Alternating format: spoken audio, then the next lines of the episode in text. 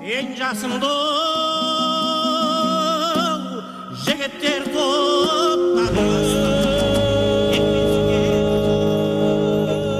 арқалы таудың шыңындай алқалы топтың туындай болған жыршы жыраулар жайлы білгіңіз келсе қошан мұстафаұлының інжу маржан хабарын тыңдаңыздар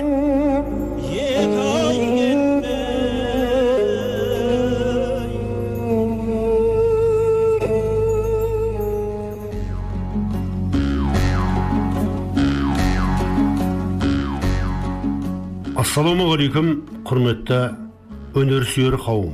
Әуе толқынында інжу маржан. Қожагелді батыр аталатын хабарымыздың бесінші бөлімін тыңдауға шақырамыз.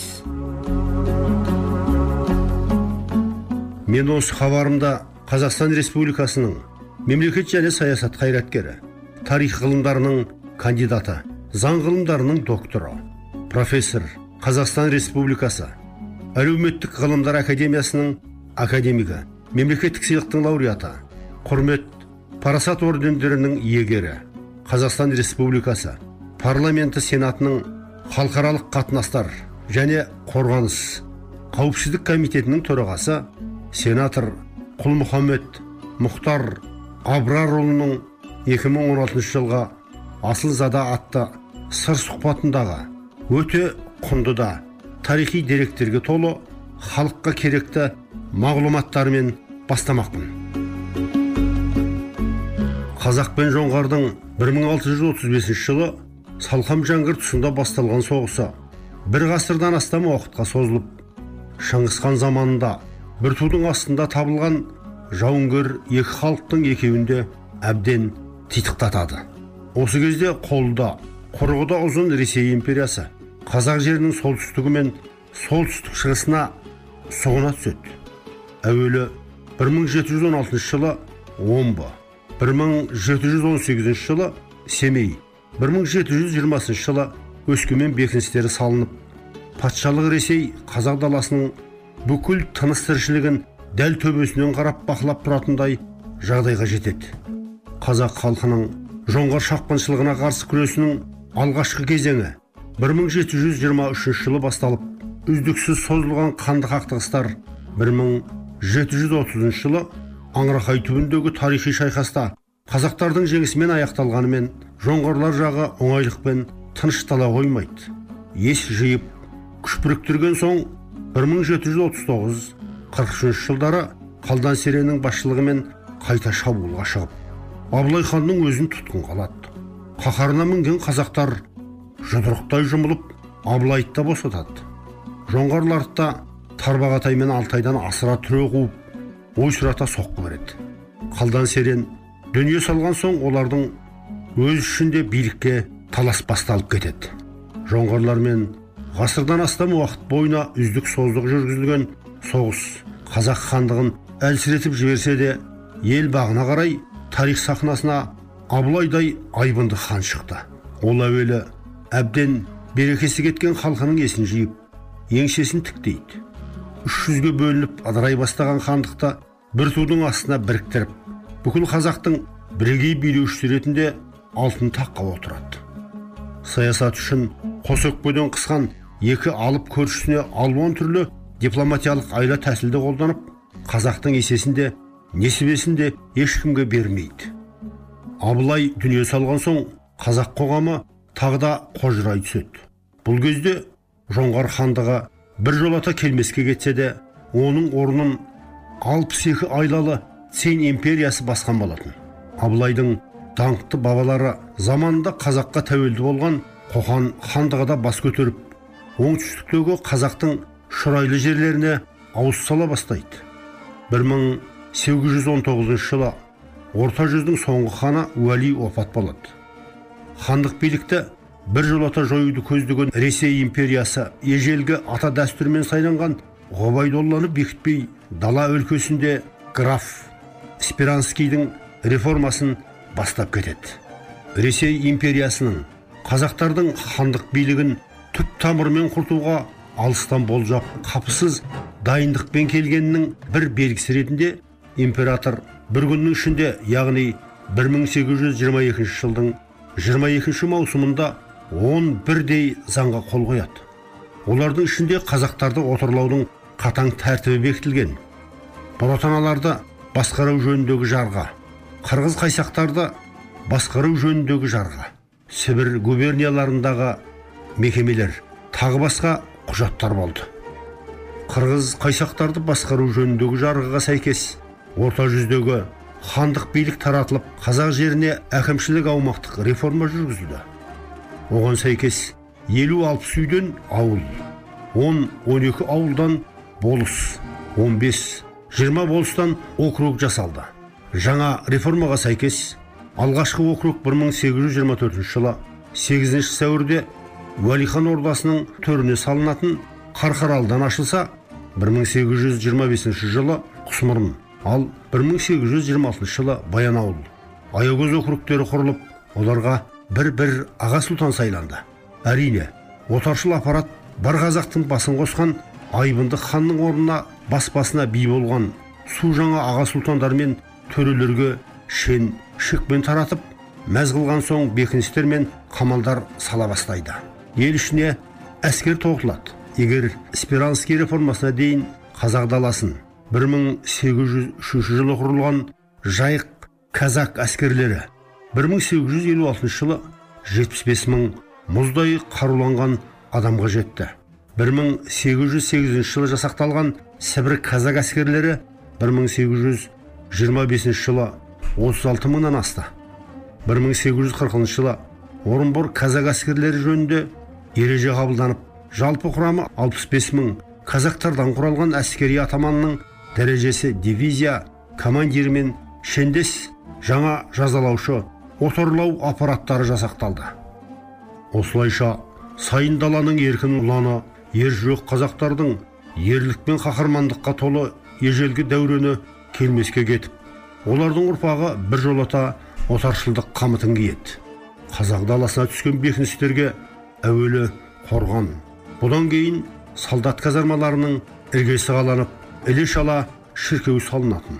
Бекіністерге ішкі ресейден қашқан пысқан татар башқұрт сияқты мұсылман халықтарының өкілдерімен қатар қазақ арасында ішінара асыраусыз қараусыз қалған міскіндер жұмысқа тартылып біртіндеп шоқындырыла бастайды. Тіпті әскери киім шей шекпен үшін қазақтардың өз еркімен шоқынуы сияқты бұрын соңды болмаған жат қылықтар да орын ала бастады. Ел ағалары мұндай сорақылыққа тосқауыл қою үшін жер жерден мешіт медреселер ашып халықты мұсылманшылдыққа тәрбиелеуді күшейту ісін қолға алады. Дәл осы кезде найманның әйгілі рубасы ақтайлақ бидің шақыруымен қаратаудан шығыс қазақстан жеріне қожалар көші келеді.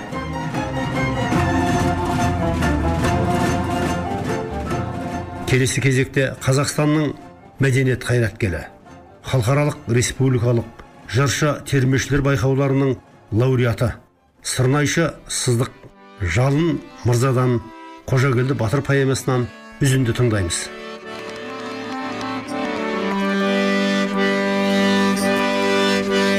Кезеңде кәріде жас ойланған қалай ғана қастандық жасайды адам бар еді төресім-ақ бес мың жылқы біткенге масайранған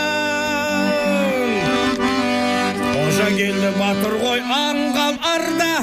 Қатуланса қылышын қанға малған ел бүйрегі көбірек соған бұрса уаң ылғи қызғанып сондау қалған. Ел бүйрегі көбірек соған бұрса уаң ылғи қызғанып сондау қалған.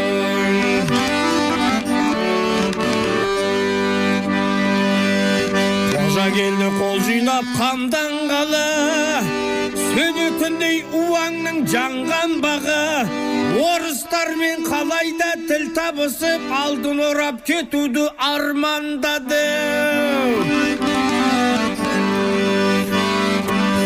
хабаровпен жасырын жалғасады. Екі жылан едәуір арбасады. Момын елді айтқанға көндірем деп көкейдегі тілекті дәл басады. Сұлу сөзден сатқындық сезілмейді. Қалмаңдар деп кешігіп безілдейді. Қожа келді батырдың басын алсаң басқасын реттеймін өзім дейді.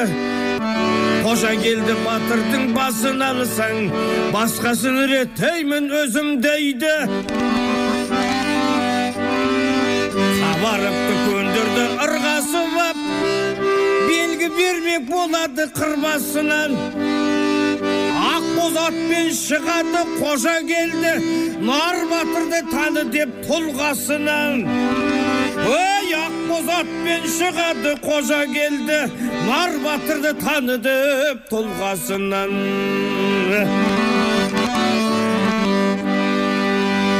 қашан тұрған бұл дәурен озбай бастан найзағайы шатырлап боздайды аспан батыр деген бір оқты қорықпа деп әумесермен әзәзіл сөз байласқан қара бұлт қабақта көп қарайлап опасыздық оянды отпен ойнап есер уаң күледі миығынан. Ел намысын берді де оққа байлап есер уаң күледі ау миығынан. Ел намысын берді де оққа байлап. Оққа байлап.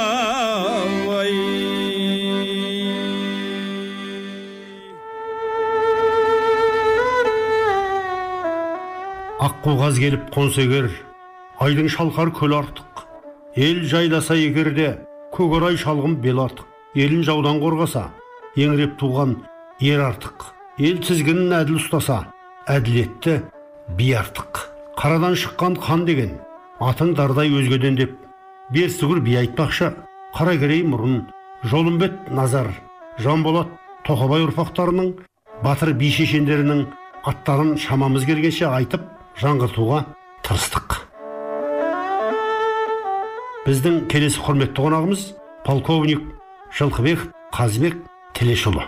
Қазеке өзіңіз әскери адамсыз қазақ тарихына деген көзқарасыңыз ерекше. Біздің бүгінгі басты кейіпкеріміз қожагелді батыр жайынан да хабарыңыз бар сияқты. Қожагелді атанұлы шамамен 1757 жылы туды деп айтады. Тарихшылар жаңа зерттеушілер ел аузында жеткен әңгімелер бойынша. Ол өзінің заманындағы өте үлкен батыр би найманның ішінде мұрын деген атасынан тарайды. Ол 1771 жылы абылай ханды ақкиізге көтеріп хан сайлағанда 14-15 жасар бала екен. Жоңғар шапқыншылығының соңғы жорықтарына қатысқан. Абылай хан қайтыс болған кезде бұл кісі 23-24 жасар уже атағы елдің арасына тараған беделді адам болған. Сонымен қоса бір айта кетерім қожагелді батырдың бір ерекшелігі бұл елдің аузынан жеткен аңыздар бойынша бұл жаңалдегі қырғыздардан шанышқұл бердіқожа батырдың кегін алды деп айтады ел жұрт. Шын мәнісінде бір айта кететін жағдай тек қана шанышқұл бердіқожа емес қырғыздар келіп сол кездегі ұлы жүздің ең үлкен мықты деген батырларын өлтіріп кетеді. Біреуін жауды өлтіреді көбісін опасыздықпен өлтіреді. Содан абылай хан қайтыс болғаннан кейін 23-24 жасында қожагелді батыр шанышқұлы бердіқожа деген атамыздың кегін алады дейді. Шын мәнісінде ол қалған батырлардың да кегін қуып келген ғой. Ұлы жүздің батырларымен қосылып сол найман елінің қолын бастап келеді. Қазеке мына шанышқылы бердіқожа батырдың беделі сол уақытта өте жоғары болғаны көп жерлерде айтылады жазылады. Бұны ел аса қатты құрметтеген дейді. Тағы бір айтып кететін жағдай бұл шанышқұл бердіқожа ішіндегі ерекше айтылатыны өзім білетін. Мына ұлы жүздің батырларының ішінде. Ол райымбек батыр райымбек хангелдин деп жазады ғой. Бейіті алматыда жатқан соның бердіқожа деген баласы бар. Содан кейін албанның ішінде әжібай деген батыр бар. Әжібайдың да бердіқожа деген баласы бар. Содан кейін жоңғар шапқыншылығындағы осы жетісудың ірі батырларының біреуі мамырұлы еспенбет деген батыр жаңағы қорам батырдың ағасы. Соның да бір баласының аты бердіқожа бердіқожа батырдың қазақ үшін біздің ел үшін бір керемет аяулы батыр болғаны көрініп тұр. Өте дұрыс мағлұматтар бердіңіз. Қожагелді батырдың да кек алуы тегіннен тегін емес екендігіне көзіміз енді жеткендей болды.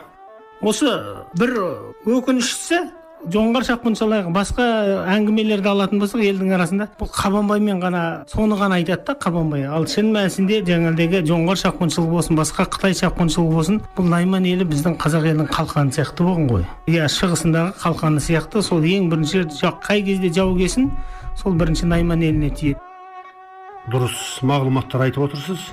1723 жылы жоңғарлар 600 мың әскермен бірінші болып шығысымыздан кіріп талқандағанда сол наймандар мен жалайыр елі бірінші болып қырғынға ұшырағаны белгілі абылай ханның заманындағы ең ірі қазақтың үш батыры болса бөгенбай қабанбай наурызбай болатын болса соны зерттеген кезде мынандай сөздер кездеседі дастанында сол абылай хан қытаймен сарысу соғысынан кейін қытаймен бітімшілікке келер кезде мына наурызбай батырының жырының ішінде мынандай бір сөздер кездеседі қамданды жібермеске қытайға адам үш жүзден үш жақсы адам қасына еріп байжігітке жетсін деп хатты беріп шапырашты наурызбай дүрбірісі найманнан барлыбай бар екіншісі. Елшіге кіші жүзден қосылды кеп тамадан есет деген батыр кісі дейді. Сонда былай архивтерді ақтарсаңыз сол барлыбай батыр. Әлике батыр мықты батырлар. Тағы да бір жаңағыдегі шәд төренің тарихат деген жырында бүйтеді. Бар еді неше түрлі қилы батырлары майданға бет бетімен кірді бәрі. Әлеке алтын сандық деп айтылған әлбек найман төлек ерлік қылған шапырашы наурызбай табын серке қаракерек қабанбай өңкей қыран дейді. Көрдіңіз ба сонда деген әлеке батыр төлек батыр барлыбай батыр. Барлыбайдың жазығы деген шығыс қазақстан облысында жер бар сондай батырлар. Ол батырлардан бөлек бүкіл қазақтың кегін қуып келген найманның қолын бастап қожагелді батыр. Былай қарасаңыз тарихи деректер бойынша соңғы жазбалар бойынша ел ауыз әдебиетінің бізге жеткен тарихшылары бойынша қожагелді батыр ол да опасыздықпен қайтыс болады ғой. Адам қолынан қайтыс болады ол туралы. Айтқан шығар орыстардың қолынан қайтыс болады деп. бір мың сегіз жүз жиырма алтыншы жылы қожагелді батыр қайтыс болғаннан кейін он жылдан кейін кенесары наурызбайдың көтерілісі басталады. он жыл жаңағы жетісуда орыстармен соғысады қоқандықтармен соғысады қырғызбен соғысады. Сол кенесары наурызбай оларды да қырғыздардың қолынан қаза табады. Содан он жылдан кейін жаңағыдегі найман төлек деген кісі. Атой салып бірінші жаңағыдегі найманның ішінен мына қолды бастап бұл осы жетісудың батырлары бірігіп кенесары наурызбайдың бір кегін алған деген әңгіме бар. Содан тағы да бір сізге айта кетейін дегенім бұл ана қожагелді батыр қырғыздарды барып шапқаннан кейін бір ауыл қырғызды айдап кеткен дейді енді. Айдап кету деген оңай емес қой адам баласын алып кету сол дау болған шығар жеңгеннен кейін. Содан алып кетіп бір ауыл қырғыздар деген ауыл бар екен. Дүркін дүркін бас қосу жиын болды әр бітімге келуге қиын болды қожагелді батырдың бұл қазасы дүрсілкінткен оқиға дүйім қожагелді батырдың бұл қазасы дүрсілкінткен оқиға дүйім басқыншы да аңдысты байқастады қару жұмсап қайтадан шайқаспады ұзын арқау кең тұсау саясатпен орағытып шырғалап ойқастады ұзын арқау кең тұсау саясатпен орағытып шырғалап ойқастады қожагелді тұлғасы дараланды қамықтырды иманға қарағанды құндаулауды петербор үйлестіріп жазылмайтын жүректе жара қалды құндаулауды петербор үйлестіріп жазылмайтын жүректе жара қалды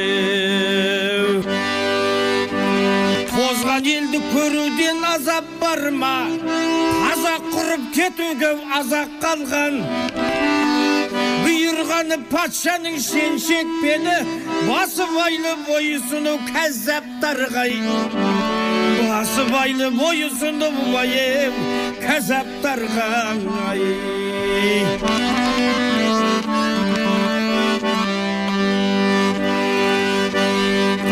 қазаққа тән қасиет төзім мықты десек дағы кесапат кезігіпті. Езгісінде басқыншы өткені жылдар екі жарым ғасырға созылыпты. Езгісінде басқыншы өткен жылдар екі жарым ғасырға созылыпты. Түссе дағы топалаң дағдарысқа өлсе дағы күйбеңдеп жамбағысқа қожа келді батырды ұмытпа дел бас имеген бұғауға ол қожа келді батырды ұмытпа дел бас имеген бұғауға ол дарыстан қара боран соқса да сары дауыл батыр туған қазақтың бағына бұл қожа келді батырды кейін ұрпақ есін алып ұлықтап ай есін алып ұлықтап қайрана бұл қожа келді батырды кейін ұрпақ есін алып ұлықтап қайрана бұл ей есін алып ей ұрпақ ей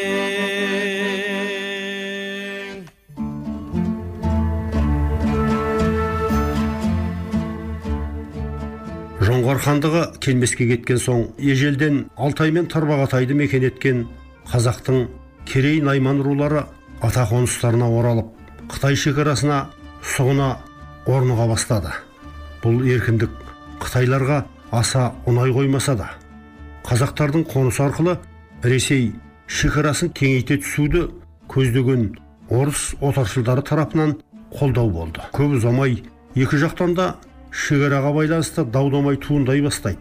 Келіспеушіліктерді шешу үшін 1861 жылы шәушік қаласындағы ресей империясының өкілі полковник бавков құлжадағы консул захаров шәушектегі консул скачков тағы да басқалардың қатысуымен келіссөздер жүргізіледі.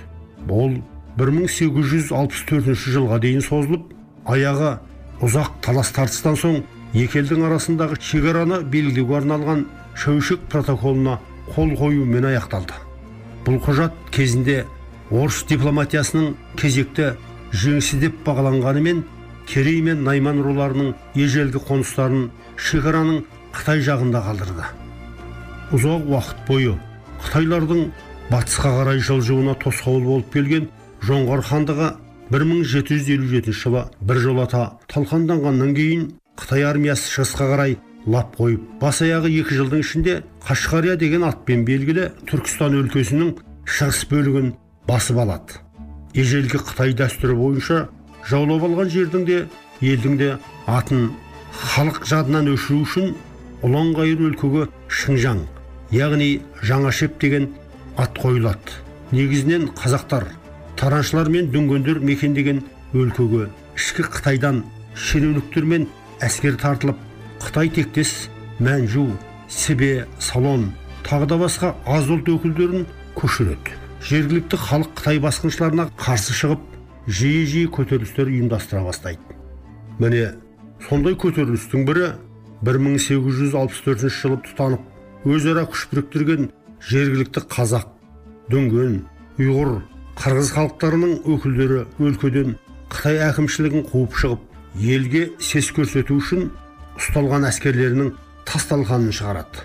Көп ұзамай түрлі ұлт өкілдерінен құралған көтерілісшілер арасында алауыздық басталып олар ортақ мемлекет құрудың орнына бас басына би болып құшар хандығы дүнген хандығы үрімжі хандығы хотан хандығы қашқар хандығы жетішар мемлекеті және қазақтың албан суан руларының ежелгі қонысы іле өлкесінде тараншы сұлтандығы сияқты шағын хандықтар мен сұлтандықтарға бөлініп кетеді. Қытай империясы шыңжаңнан айырылу қаупі төнгенде ресейге көтерілісті басып оны ұйымдастырушыларды жазалау жөнінде өтініш жасайды. Іле аймағының басшысы мин сюдин генерал майор колпаковскийге 1864 жылдың қарашасында хат жолдайды. Император екінші александр өтінішті қабылдап алып ресей әскері жорықты бастамастан көп бұрын 1871 жылдың сәуірінде орыс әскері ілеге басып кірер алдында жергілікті қазақтар мен ұйғырларға үндеу жариялап онда бейбіт халыққа дос екенін олардың мал мүлкіне ешкім қол сұқпайтынын өздерінің түпкі мақсаты өлкені басқыншы жаудан азат ету екендігін айтып ел арасында үгіт насихат жүргізеді. Оған сенген жергілікті халық өкілдері орыс әскерлеріне еш қарсылық көрсетпейді. Осылайша қазақтар мен қырғыздардан еш қарсылық көрмеген орыс әскері 1871 жылы 22 маусымда құлжаға басып кіреді көп ұзамай тараншы сұлтандарының иелігіндегі іле өлкесі түгелдей ресейдің қарауына көшіп орыс үлгісімен жаңа әкімшілік аумақтық бөліністер жүргізіледі.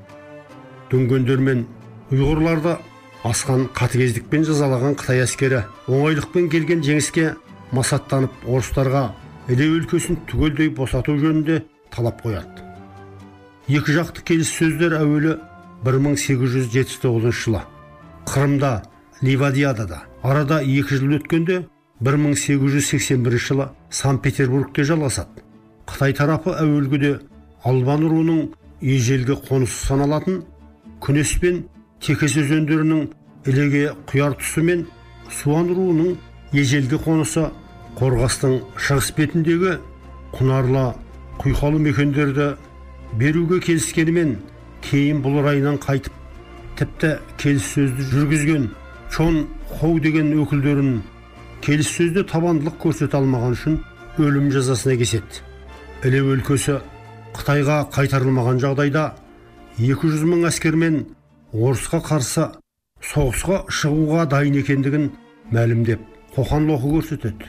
Соғысқа кіруден сескенген ресей жағы боғдыханның ұсыныстарының басым көпшілігін қабылдап 1881 жылы петербург келісіміне қол қойып құлжадағы орыс әскерін түгелдей қайтарады. Нәтижесінде албан мен суанның ежелгі атақоныстары қытай жағында қалып ресейге қорғас өзенінің бергі бетіндегі аз ғана аумақ қана қалдырылады.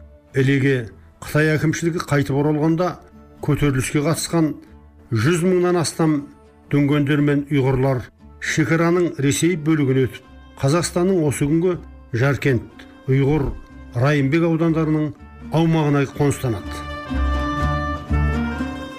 Шекара туралы әңгімені түйіндер болсақ 1864 жылғы шәушек протоколы 1879 жылғы ливадия шарты мен 1881 жылғы петербург келісімі бойынша сол кездегі ресей империясы позициясының әскери саяси тұрғыдан басым болғанына қарамастан шетін мәселе қытай мемлекетінің пайдасына шешіліп керей найман албан суан руларының ежелгі атақоныстары алабағанның арғы бетінде қалды деп өкінішпен айтады қазақстан мемлекеттік сыйлығының лауреаты.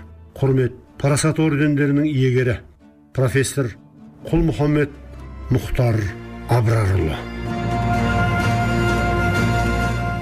Құрметті тыңдаушылар батыр жайлы хабарымыз да соңына таяп келеді. Жарыс сөзге шыққан ғалымдарымыз бар. Ұрпақтарының да сөзін жерге тастамай қалдырмауға тырысудамыз. Сөйлеушілеріміз көп болып тұр дегенмен радиодағы уақытымыздың да шектеулі екенін ескерткеніміз жөн деп айтуымызға тура келеді. Ассалаумағалейкум құрметті радио тыңдаушылар. Мен бекбаев болат қазенұлы атамның қожакенті батырдың тікелей ұрпағымын атамыз. Жоңғар шапқыншылығынан кейін жерімізді елімізді орыстардың саясатынан қорғау үшін бірнеше қазақ батырларын ұйымдастырып соғысқан. Сондай бір шайқастардың бірінде атамыз оққа ұшады. Қожакенті атамыздың қайтыс болған жерінде атымен аталатын үлкен ауыл бар. Атамыз батырлығымен қоса тағы да бірнеше жақсы қасиеттері бар. Жомарт кісі болған деп ел аузынан естиміз. Бір жылдары тасқын су ауылдың үйлеріне мал жандарына қауіп төнген кезде тасқын су атамыздың мазарына жақындап келген кезде алланың қалауымен су басқа арнаға түсіп кетеді. Сол кездерде ауыл халқы шығыннан аман қалады. Сондай ауыл халқы қожагелді атамыздың қасиеті деп жориды. Атамыздың батырлығы данышпандығын болашақ ұрпаққа үлгі болсын деп 2020 жылы қыркүйек айында ақсот ауданының әкімшілігі және халықтың қалауымен ақсоттағы нөмір екінші он жылдық мектепке қожагелді есімі берілді. Соған біздер ұрпақтары қуанып халқымызға әкімшіліктерге ризашылығымызды білдіріп мектеп алдына қожагелді атамыздың ескерткішін орнатып ас бердік. Албатамды берейін бисмилла деп қол жайып бір аллаға барайын бізден қалай болжайық қара керей қалың ел ғұмыр кешсін жарасып ажырамасын ағайын жоқ нәрсеге таласып ойлантады тізіліп он саусақтың саласы қожа келді қас батыр ұрыстан келді ау қазасы қожа келді қас батыр ұрыстан келді ау қазасы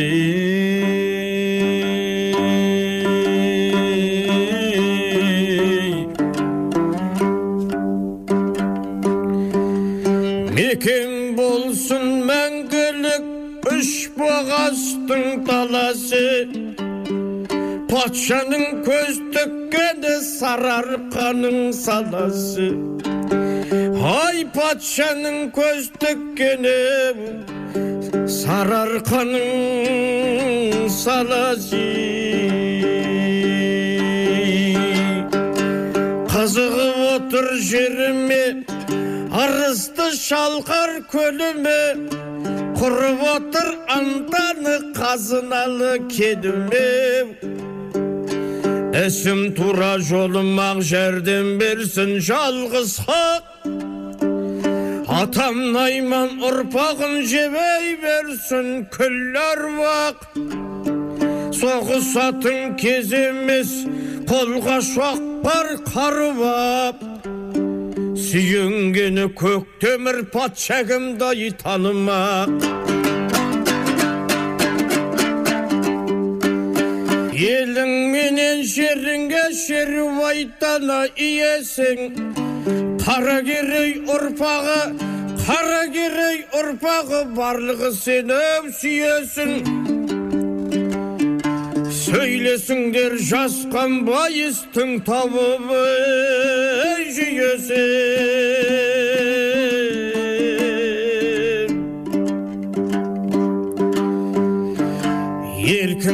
берсе өзіңе көніңдер айтқан сөзіне елдігіңді аңғартып бір көрсе жаудың көзіне. Алмасын алым еліңнен аудармасын жеріңнен. Жалтақтамай жасқанбай тұрыңдар берік сеніммен. Сұраңдар ердің қазасына қаққаны төгілген. Құрыш қорған берекең жау жейді елді бөлінген. Ай сұраңдар ердің қазасына қаққаны төгілген. Құрыш қорған берекең жау жейді елдей бөлінген.